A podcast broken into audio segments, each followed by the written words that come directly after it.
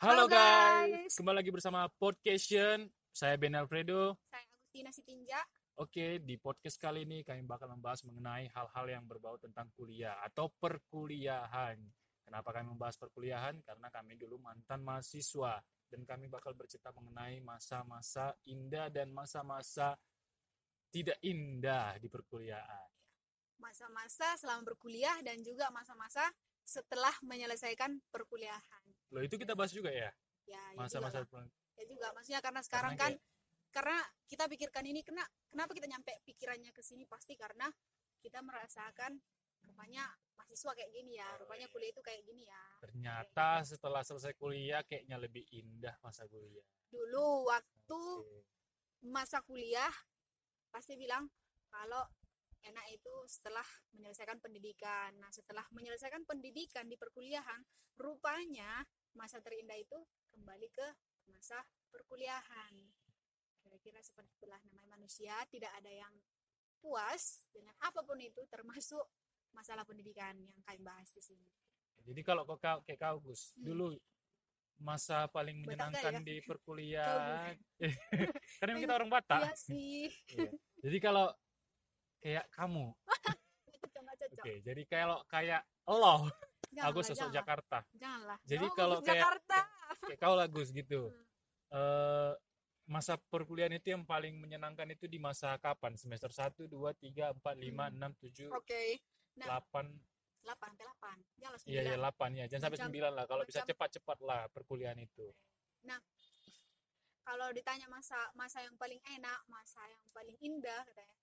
Nggak tahu sebenarnya yang mengkategorikan yang palingnya. Tapi banyak karena indah itu nggak selalu terkesan dengan positif ya kan. Masa yang paling paling Dan indah. mungkin karena ada banyak juga yang paling dirasa paling Iya. indah jadi sampai nggak tahu milih salah satu ya. Terus masa-masa awal perkuliahan itu semester 1 2 itu masa yang paling aku nggak suka. Paling nggak suka kenapa? Karena masa-masa belum menerima menerima kenyataan tentang kekalahan Oh iya iya iya karena dulu zaman-zaman tinggi. SBMPTN dulu ya. Iya, perguruan tinggi Iya negeri iya ya. iya. juga Di situ eh, karena kebetulan teman satu kelasku itu kan hampir semua rata-rata itu masuk PTN dan aku kayak ngerasa ya aku siapa dibandingkan mereka kayak kayak gitu. Jadi agak sedikit Hmm, insecure lah ya. Betul. Cuman kalau misalnya mau dipilih nggak kuliah dibandingkan berkuliah, kita pilih kuliah walaupun itu nggak harus di tempat yang dipengen kayak kayak gitu. Jadinya ya udahlah, nggak apa-apa lah kuliah di sini kayak kayak gitu. Dengan eh, sebenarnya sih lebih ke pasrah ya kayak gitu. Tapi keinginan nggak begitu besar. Nah, jadi prestasinya juga B, dibilang B aja nggak B aja juga, dibilang bobrok nggak juga ya tapi kurang berkesan sih di semester awal. Nah, rupanya teman-teman di semester 1 2 itu paling gampang cari nilai. Iya benar-benar. Paling gampang. Karena Ya, kayak mungkin ya bisa jadi karena kayak gini kayak karena awal itu kayak dosen-dosennya itu kayak ya biar membuat kita lebih iya, bersemangat, semangat, termotivasi gitu. ya di awal ya kan. Nah, dan juga kan dosen kita yang masuk di semester awal itu kan belum belum dosen yang eh, killer-killer kali gitu. Masih iya, dosen-dosen yang dosen. enak lah untuk Iya, bawakan iya, mahasiswanya kira-kira gitu untuk berbaur kayak kayak gitu jadi untuk uh, soal tanya jawab belajar diskusi itu sebenarnya masih enak cuman kemauan yang masih uh, kurang kecil lah ya Iya. karena masih di zaman SMA kayak perpindahan itu kan masih kayak mulai Terasa dari sih. masa remaja sebenarnya perpindahan Ah. dari masa remaja mau ke dewasa Nah, situ. dan satu lagi aku orang yang uh, pada masa itu aku udah sempat jadi orang introvert kali kali karena pernah merasa terpuruk kali pada waktu itu ya waktu masa-masa keka- kekalahan dan itu masa kegagalanku yang paling paling besar menurutku menurutku ya selama aku hidup sampai semester- sekarang, sampai semester sekarang. 2 dulu ya zaman-zaman semester 2 ya? Iya tapi masa kegagalan itu itu waktu habis SMA oh waktu gitu iya, tahu iya. kalah kan? Oh jadi itu bagian bagian paling terpuruk gitu sampai sekarang iya itu. sampai sekarang bukan terpuruk sih tapi yang paling merasa gagal kali. Hmm. gagal kali kayak gitu pada waktu itu. Dan aku sem- sempat itu nggak mau gereja. Kayak rasanya eh, selama ini aku udah aku bilang baik sih sebenarnya nggak baik-baik kali tapi ya masih dalam aturan nggak pernah nggak mengecewakan orang tua kira-kira kayak kayak gitu. Aku udah kayak gini eh, aktif dalam pelayanan. Dari kecil aku aktif dalam pelayanan. Terus ya egois aja sih. Kadang bilang kayak gini Tuhan kenapa sih aku nggak bisa dapat ini? Padahal aku udah kayak gini kayak gini. Ya itulah uh, dari sisi pikiran egoisku waktu itu. Sekarang aku baru sadar rupanya nggak kayak gitu rencananya kan gitu. Nah terus aku nggak mau ibadah. Lama itu mungkin ada sekitar dua bulan. Nggak mau keluar rumah semua nggak mau. Bahkan aku sempat aku pergi ke Medan waktu itu. Hmm, ya, ya, ya, cuman ya. untuk sebagai pelarian Hmm. supaya uh, ya namanya pun pelarian menghilangkan penak yang di kepala. Rupanya nggak berhasil itu nggak berhasil. Dan pada akhirnya aku harus memutuskan kalau aku harus lanjutkan pendidikanku di mana pun itu yang jadinya tempat pilihan orang tua sebenarnya. Nah jadi itu semester 1 2 jadinya bawaannya eh, mahasiswa yang kurang berprestasi dibilang iya juga. Tapi bukan mahasiswa yang bandal bukan. Nah, tapi akhirnya nengok teman-teman ih kok nilainya tinggi? Kok kayak gini? Kok kayak gini? Kok kayak gini? Gitu. Kadang kita bilang itu pasti beruntung ini seperti ini seperti ini. Rupanya nggak semua kayak gitu ya. Harusnya kita introspeksi diri sendiri kan. Kenapa kayak gini? Apa mungkin yang kurang iya. dari usaha kita? Mm-mm. mungkin entah pun uh, pengalamanmu juga kayak gitu kan nggak tahu. Tapi pengalamanku sendiri kayak gitu. Nah dari situ ya aku melihat teman-teman yang seperti itu jadinya aku belajar me- yang introspeksi diriku dan akhirnya semangat lagi belajarnya semangat. Walaupun sebenarnya dibilang semangat semangat kali sih nggak juga. Tapi ya mengikuti dengan baik lah sampai akhirnya selesai. Dan eh, bertemu tapi nanti aja diceritakan itu. Aku punya pengalaman yang beda tentang friendship ya kan? Di semester awal dan di semester akhir. Aku punya teman yang sama tapi hmm, punya sahabat yang berbeda kira-kira kayak gitu. Tapi nanti lagi kita bahas. Sekarang Hmm. kalau ceritamu kayak mana? Menurutmu? Perkuliahan ya. Ya yang bagian paling menarik mungkin atau uh, paling juga menarik. dan bagian yang nggak enaknya apa ya kalau mungkin- bagian paling menarik sih Hmm. ya itu masa-masa aku suka sama orang oh sih. iya ya oh Karena iya kayak- iya. ya sa- sebenarnya sama juga sih. Aku dulu juga pernah nyoba SBMPTN sih sempat sampai kayak dibilang depresi sih enggak sih. Karena kayaknya biarpun aku orang yang tidak beriman tapi enggak sempat lah sampai kepikiran depresi atau gimana gitu. Tapi kayak hampir putus asa lah gitu nyoba sesuatu gitu. Oh gitu ya. Iya, dulu kan kayak nyoba SBM juga kan. Tapi ternyata teman yang seperjuangan juga yang berhasil.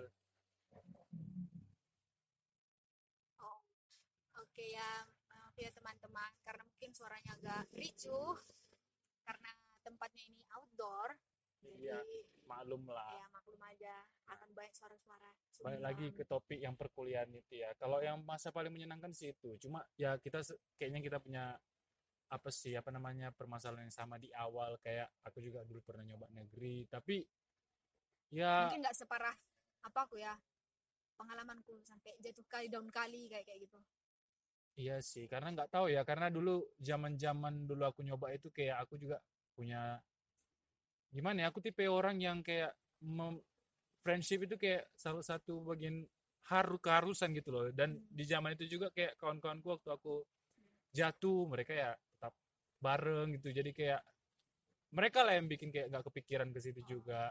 Ya, Jadi- ya, ya, ya. Salah satu kekuatanku itu ya friendship selain family lah gitu ya kan.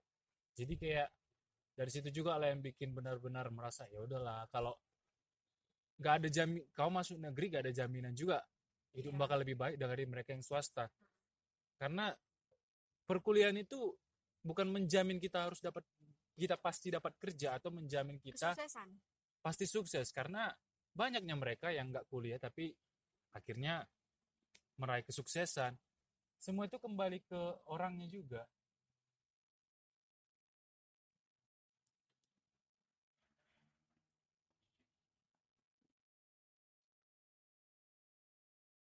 Ah, nah oh itu itu masa berarti dibilang masa indah eh masa masa terburuk enggak juga ya? Nggak enggak termasuk sih. masa buruk kan? Nggak masa terburuk sih. Cuma di zaman kuliah pun kayaknya yang terburuk dibilang terburuk sih nggak ada sih. Cuma yang terlelah ya zaman skripsi ya udah pasti ya kan. Oh, kayak menguras sih. tenaga Tapi seru, tapi seru. pikiran. Seru sih karena kayak ada tantangannya juga Ah. kan menunggu dosen dan akhirnya di. PHP-in banyak sih momen-momen yang menurutku malah momen-momen seperti itu yang kurindukan. Iya. Kalau dulu mikir kan ih cepat lah wisuda. Tapi setelah dipikir-pikir juga ih zaman zaman zaman skripsi pun ternyata menyenangkan juga Iya. itulah dari setiap yang kita rasa dari hal negatif sekalipun kayaknya pasti, Pasti ada, ada hal positifnya, positifnya, ya, entah betul, betul, sedikit betul. pasti itu ada jadi kita lah kembali ke Gima- kita juga iya, gimana, gimana- kita melihat Iya, gimana situasi gimana kita memandang menilai. hal negatif Hmm, itu iya, betul. kuncinya semuanya di situ kalau yang paling mengesankan sih ya masa-masa ya waktu suka Tapi, sama orang pernah pernah pernah kalau suka apa Hmm, bukan bukan suka sih kakak tapi pernah. enggak. Enggak. Pernah enggak merasa gagal kali kayak aku tadi? Gagal merasa kali. gagal kali dalam hidup gitu? Iya. Itu bagian tergagalmu kayak gitu. Aku malah lebih ke percintaan kalau merasa gagal. Karena jujur aja dulu kan bisa Ah! aku dulu SMK gitu. Payah sih kalau udah enggak karena jujur gitu. dulu aku SMK jadi kayak zaman SMK itu kayak bukan SMK sih lebih tepatnya STM di mana STM itu di angkatan kami itu perempuan itu hanya ada tiga. Jadi kayak wow dan iya ya. dan ya you know lah gitu kayak kalau kau nggak suka dengan yang tiga ini ya kau harus mencari di luar. Padahal aku tipe orang yang sulit juga kan untuk suka sama orang. Jadi masa-masa SMK itu lebih banyak friendshipnya. Jadi bahkan sama sekali nggak ada percintaannya. Kalaupun cinta ya cinta-cinta bodet lah memang. Jadi kayak waktu kuliah jadi apa ya? Jadi pas di kuliah ini sih maksudku hidup ini kayak balance sih. Tiba-tiba masuk kuliah perempuan yang Iya. banyak.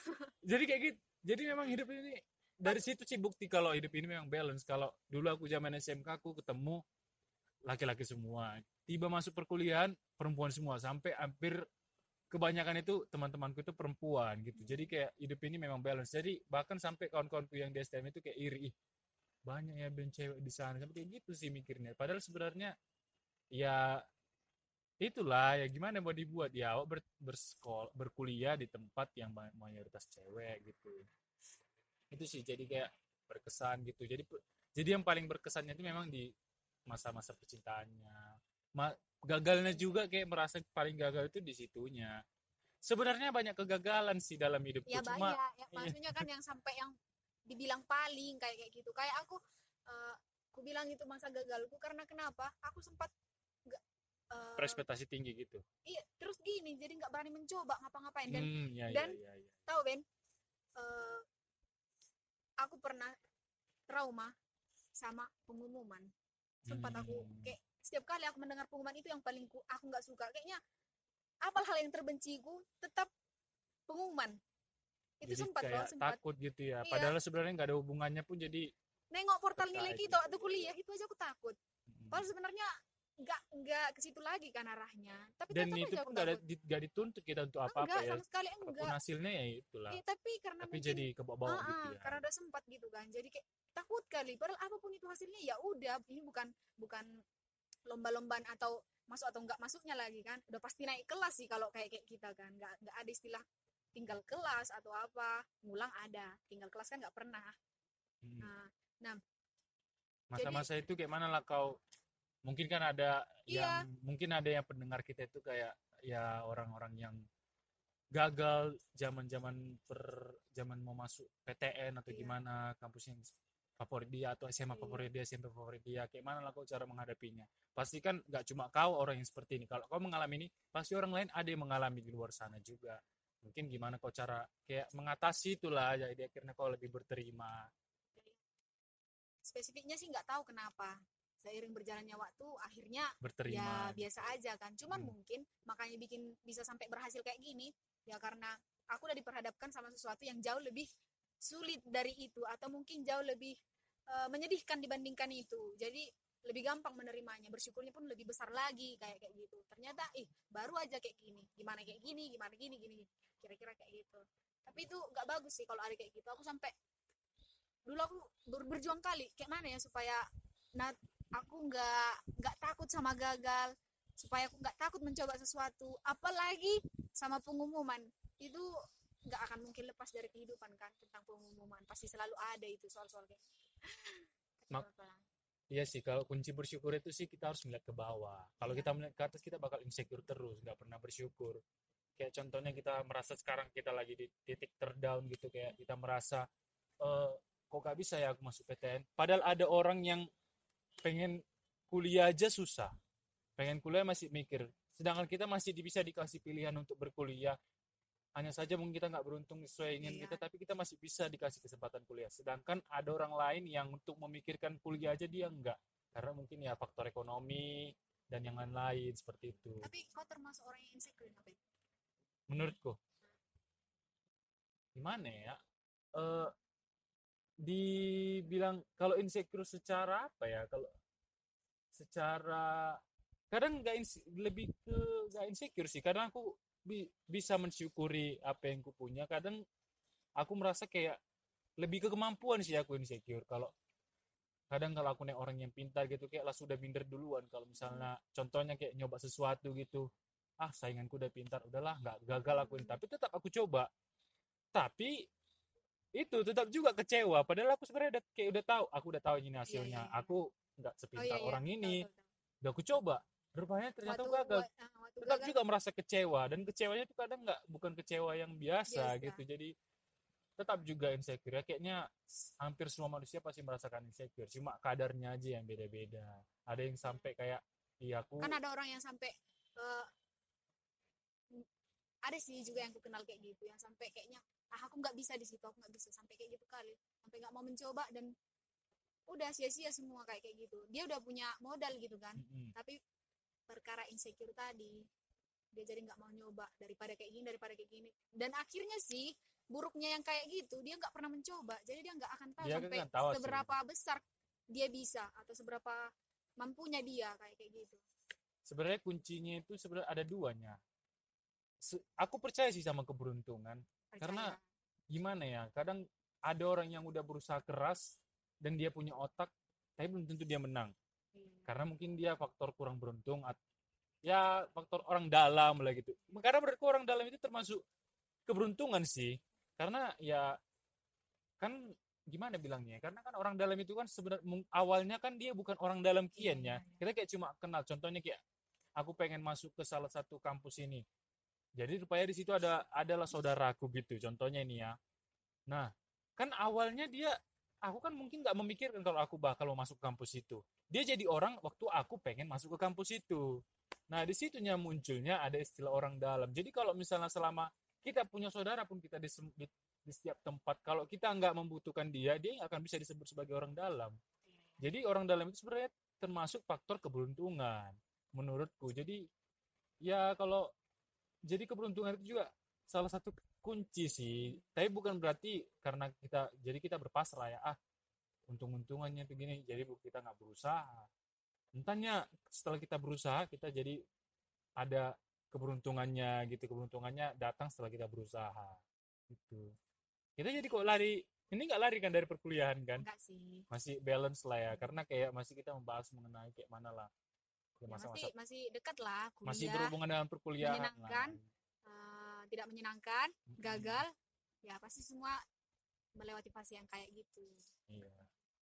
Jadi intinya tentang perkuliahan ini juga ya banyak orang yang salah menafsirkan tentang pendidikan sebenarnya. Banyak kali.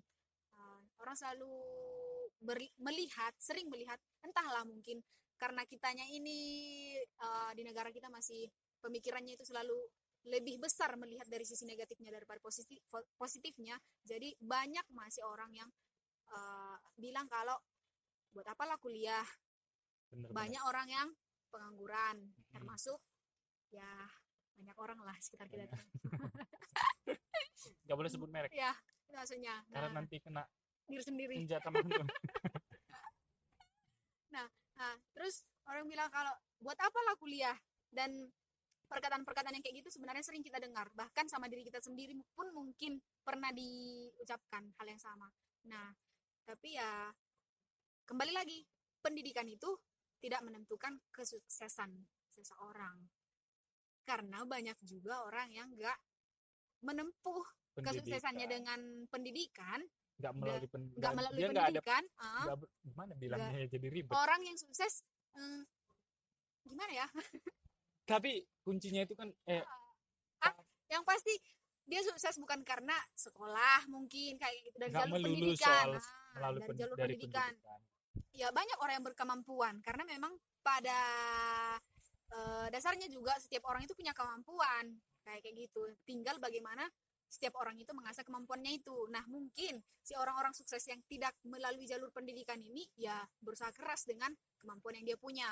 Nah, tapi pendidikan itu pasti pasti eh, sangat-sangat berguna. Kenapa? Karena orang yang berpendidikan itu sudah pasti kualitas hidupnya juga jauh lebih baik. Jadi mungkin orang juga melihat banyak yang orang yang berpendidikan tapi kualitas kualitas hidupnya nggak baik. Nah, ada juga yang memandang dari situ. Kembali lagi karena masih terlalu banyak orang yang uh, lebih gampang melihat sisi negatifnya. Nah, ya betul. Nah, jadi itu tugas kita sebagai orang-orang yang sudah berpendidikan.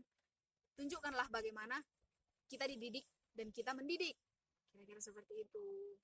Ya. Jadi memang Jadi jadi uh, pendidikan di kita ini di negara kita ini juga nggak selalu disalah artikan kita bisa bangga kayak gitu iya sederhana sih jadi ya pendidikan itu bukan menjamin kesuksesan tapi memperbaiki kualitas hidup mm-hmm. itu sih yang paling penting karena gimana ya kalau orang yang berpendidikan udah pasti sukses percaya loh udah nggak ada lagi orang yang lulusan dari universitas itu yang pengangguran kalau memang pendidikan itu menjamin kesuksesan. Padahal kan kalau kita tahu ya pengusaha-pengusaha itu banyak yang kayak tamat SMA, tamat SMP, iya. SD, bahkan menteri kita aja mantan menteri ya, Bu Susi aja lulusan SMP. Kalau kesuksesan itu kuncinya itu di orangnya sendiri. Jadi bukan bukan di ininya, bukan di pendidikannya, tapi di orangnya. Bahkan kita nggak bersekolah pun masih ada peluang untuk kesuksesan. Ya, betul. Pasti ada pasti ada pasti ada tapi mungkin lebih sulit daripada mereka ya. yang iya. pendidikannya lebih baik itu aja kekurangannya karena contohnya ya kalau misalnya dia nggak pernah sekolah kan susah juga kayak dia banyak hal yang nggak dia tahu padahal dia pengen sukses tapi dia banyak hal yang nggak tahu pasti kan jadi belajar lagi. Nah belajar lagi udah memakan waktu banyak dan itu gitu. kelebihan untuk orang yang bersekolah ya. Nah itu dia. Itu Memang, aja sih bedanya nggak nggak banyaknya. Karena itu tergantung kepribadian seseorang ya kan kalau mau belajar sendiri. Karena apalagi zaman sekarang ya kan nggak harus lewat pendidikan formal lagi. Banyak orang yang homeschooling. Dari bahkan internet. di zaman yang sekarang semua orang udah online kelas iya. Ya kan kayak di sini ya. masa-masa pandemi ya. Apalagi ya. uh, online kelas itu sebenarnya kan belajar mandiri kan? Iya. Karena ya gimana lah walaupun dibilang masih diarahkan sama guru dari sekolah gimana pun yang paling besar mengarahkan kita itu diri kita sendiri. Kita mau nggak? Kita enjoy nggak sama pembelajaran yang kayak gini gitu? Kuncinya di kita juga. Iya. oke okay, kira-kira seperti itulah masa perkuliahan. Sebenarnya masih banyak tentang perkuliahan ya mungkin dari masalah percintaan. Asmara apalagi ya uh, friendship uh, kalau friendship gimana kok yang berkesan di perkuliahan ada nggak yang berkesan friendship ada. pasti ada lah di ya setiap masa sih aku punya friendship gitu yang uh, memorable gitu. Nah, kita kan menempuh dari zaman OTK-nya? Enggak dong. Nah, berarti dari SD kita hitungnya. enggak, enggak. Enggak, enggak apa-apa. Kau TK kan? TK. pulang ke sekolah. Udah banyak lah ba memang. Banyak harusnya ya? iya, harusnya aku udah master sih memang, iya. tapi ya enggak, enggak udah lah. Aku, aku kelas 3, kelas 3 SD udah malas sekolah. Untung aku nggak TK karena kalau aku TK aku yakin kelas 1 aku udah malas sekolah. Dan pengen cabut mungkin. TK itu sebenarnya banyak mainnya loh daripada walaupun banyak mainnya dulu aku kan peralihan kelas 2 ke kelas 3 kelas 2 kan pulangnya jam 10 jam 10 pagi. Kelas 3 kan jam 1 nah langsung bosan dong tapi kalau udah konsepnya sekolah sih memang bawahnya pikirannya pasti belajar ya kan? Karena TK jadi pikiran ya belajar ini menjadi malas gitu ini sih cuma maksudku kayak kan kalau kita kita hitung dari SD lah ya, dari ya, ya. menempuh SD, 6, SMP, SMA, 12, perkuliahan. 4, 16. Nah, di SD ada nggak kawanmu dari SD ada. sampai sekarang? Ada gitu. Ya. Kayak friendship yang benar-benar friendship lah gitu, bukan kayak teman gitu aja. Iya, ada. Ada. Ada lah gitu. SM, Adalah SMP friend... masih teman yang sama. Ah, di... SMA masih sama juga. Uh, awet ya. Awet. Aku kayaknya teman kuliah TK. Baru, ha, kuliah baru baru baru pisah hmm. dan itu agak konflik sih sedikit. Hmm. Sedikit. Aku di di TSD sih nggak ada sih. Kalau yang sampai sekarang kita cerita yang sampai sekarang kayak hubungannya itu masih bagus Baik, lah komunikasinya iya. gitu. SD nggak ada, SMP nggak ada, SMK lah dulu ada sampai sekarang. Hmm. Ada ala konfi yang sampai sekarang itu udah berapa tahun. Kuliah dah, kuliah dah. Kuliah ya dirimu lah salah satunya. sama ada tem yang teman-teman yang lain juga. Yeah gitu jadi kayak ini sih kalau perkuliahan itu juga friendship juga mempengaruhi sih karena ya, kalau pasti perkuliahan Iya. gitu kan kalau kita berteman dengan orang yang benar Nambah kita bakal ya kan? diarahkan terus Ter- nambah juga semangatnya kan coba Iya. bayangkan kalau misalnya nggak ada temanmu nggak mau pergi aja kayaknya aduh ngapain lah di sana karena kalau mikirkan belajar terus kayaknya itu itu hal yang paling membosankan kalau misalnya harus mikir belajar belajar belajar belajar kayak gitu pasti harus refresh juga ya kan mikirkan main Mm-mm. eh, ngumpul aku sih tipe orang yang ini pula sih kayak friendship itu kayak salah satu bagian penting sih Iya karena sih. kalau misal dari zaman kuliah itu dulu kayak banyak kali pergumulan aku nggak bisa pula mendam kayak gitu karena itu malah membebani pikiran juga sih kalau kita jadi ya menurutku itu penting ya sih. Penting kali kayak prinsip itu ya. Tapi- kita tukar pikiran Iya. sharing banyak hal gitu. Tapi untuk beberapa orang itu nggak juga loh. Nggak ada yang untuk yang introvert mungkin ya Iya. mereka super introvert sih. Super lah ya kalau introvert aja pun masih, masih tetap masih yang tetap membutuhkan. membutuhkan. Namanya manusia saling membutuhkan. Tapi kalau super super super duper introvert ya mungkin hidup hidupnya aja udah buat dia senang. Oke. Jadi kalau misalnya percintaan itu menurutmu penting nggak di dalam masa perkuliahan gitu? Kalau penting sih itu penting penting relatif kali orangnya penting ya. kali. untukku ya untukku penting kali. Kenapa? Karena aku orang termasuk terlambat di dalam proses itu kayak kayak gitu. Oh berarti Jadi- sama lah kita ya kan? Hmm. kalau aku bukan terlambat karena apa? Karena memang keadaan yang memaksakan Oh, aku. wow wow wow Iya, wow, aku wow, bukan- wow. dulu banyak kali kan kayak ada sekolah di STM kami itu kan dekatnya sebenarnya ke sek- keadaannya dekat ke SMA lain. Tapi- jadi kayak kebanyakan dari situ dari STM kami itu pacarannya ke sekolah lain Hmm. gitu. Sedangkan aku bukan tipe orang yang kayak ya kalau nggak ser aku ngapain aku kejar gitu. Kayak kadang maunya aku kayak suka sama orang gitu tapi kan karena susah juga kan. Kalau SMA wakian pasti lebih enak juga. Iya, iya, iya. karena ya cewek berseliweran di mana-mana ya Iya, kan. iya, jadi iya. kayak lebih gampang oh, aku mau suka yang ini aku dekati dulu gitu. Kalau zaman percintaan itu masih lebih bagus di SMP sih. Malah Wow, cinta cinta SMP. pertama itu di SMP tapi cinta aku pernah suka sama orang dari first love itu di SMP dari dari dari aku sukanya sih dari SMP aku sampai kenalnya SMA gitu? Sebenarnya sih lama sampai kuliah juga iya.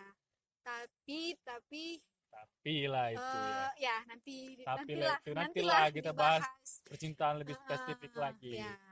Kira-kira kayak gitu tapi ba- banyak berarti banyak hal ya. Mm-mm. banyak hal yang yang buat kita itu eh, ingat pengen balik lagi jadinya soal kunci biar semangat kuliah itu yaitu friendship dan love itu juga sih salah Iya. satu jadi relationship itu juga perlu sih Iya. jadi nggak tahu ya kalau Tapi- untuk tapi pandangan ya, orang introvert itu nggak ya. tahu ya tapi yang utama pendidikan Iya. Nanti, coba soalnya ada juga orang kan eh, pengen- terlalu ah, love terlalu terlalu, love terlalu friend friendship jadi, jadi- memang dia berkuliah hanya untuk Hmm. love and friendship karena ada juga loh sebenarnya yang kita kau kenal dan aku kenal Nah, teman kita gak teman Tit. kita juga sih. Dan adalah kita- orang lah adalah orang. kita itu dikit. Ya sih. Terlalu spesifik nanti ya Iya, kan. Nanti Jadi- ditebak. Dan dia adalah sendiri dan dia komen ini sebenarnya aku. sebenarnya sih ini orang lain ada orang lain juga gitu kan. Kayak dia itu sebenarnya tipe orang yang baik tapi dia bergaul dengan orang yang salah ya akhirnya Ya, menjurus ke arah yang salah juga. Akhirnya sampai sekarang dia ya ya itulah kondisinya. Jadi kayak prinsip itu juga menentukan pendidikan kita sih. Hmm. jadi kayak aku juga merasakan itu. Dulu aku berteman dengan orang yang seperti yang seperti Iya. perlakuannya seperti ini ya aku jadi ngikut ke arah ke situ. Memang sih ada orang yang susah dipengaruhi tapi ah, Ya, kecil-kecil lah. tapi susah dipengaruhi pun dia ya mungkin dia tetap pe- tetap. pengaruhnya itu lambat iya, gitu lambat. Bisa daripada juga, yang bisa juga tapi lambat lebih lambat daripada yang lain. Karena ya pertemanan itu mempengaruhi kita. Karena kayak aku aja gitu kan kalau misalnya aku bergaul dengan temanku yang A pasti sifatku itu lebih ke yang pertemananku yang di A. Kalau yang ke B lebih ke B gitu. Iya, iya. jadi ya kadang mau jadi ketukar gitu. iya. itu sih yang mempengaruhi juga. Nah jadi itulah dia masa-masa menyenangkan di kuliah mulai dari relationship friendship semualah. Jadi kayak perkuliahan itu sih menyenangkan kali sih menyenangkan lah. Iya. menurutku eh, pendidikan yang paling menyenangkan itu dari aku SD SMP SMA itu yang ter the best perkuliahan sih walau sih banyak siapanya kayak suka Ah. dukanya dan dukanya termasuk yang terbanyak juga sih karena dulu karena dulu iya karena karena dulu STM itu menurutku yang friendshipnya iya, paling iya, iya. bagus udah pasti karena solidaritas lagi lebih lebih humoris lagi karena laki-laki juga semua Iya. kan jadi kayak dari situ sih cuma pasti terbaik itu Oh. salah satunya ya di kuliah nanti kita bahas tentang apa tapi di oke yang di lainnya. episode-episode selanjutnya Ah, tentang persekolahan kayaknya masih persekolahan oh Iya, kita masih- lebih spesifik lagi ya persekolahan nanti kita bahas pula SMP SMA gimana enggak enggak sekolah itu kan Oh iya, udah perkuliahan dan-. Ah, Iya, karena kan kalau kita kan sekolah beda. siswa SMA udah mahasiswa. no perkuliahan Eh, kebalik ya? perkuliahan mahasiswa Iya. Eh, oh iya iya iya, iya. Perkuliahan mahasiswa. Aduh, udah baling bay ya, iya. Oke, jadi itulah pembahasan kami hari ini. Tetap terus ikutin podcast Tetap ikutin pembahasan-pembahasan selanjutnya. Atau kalau kalian punya request, kalian bisa DM Instagram pribadi kami.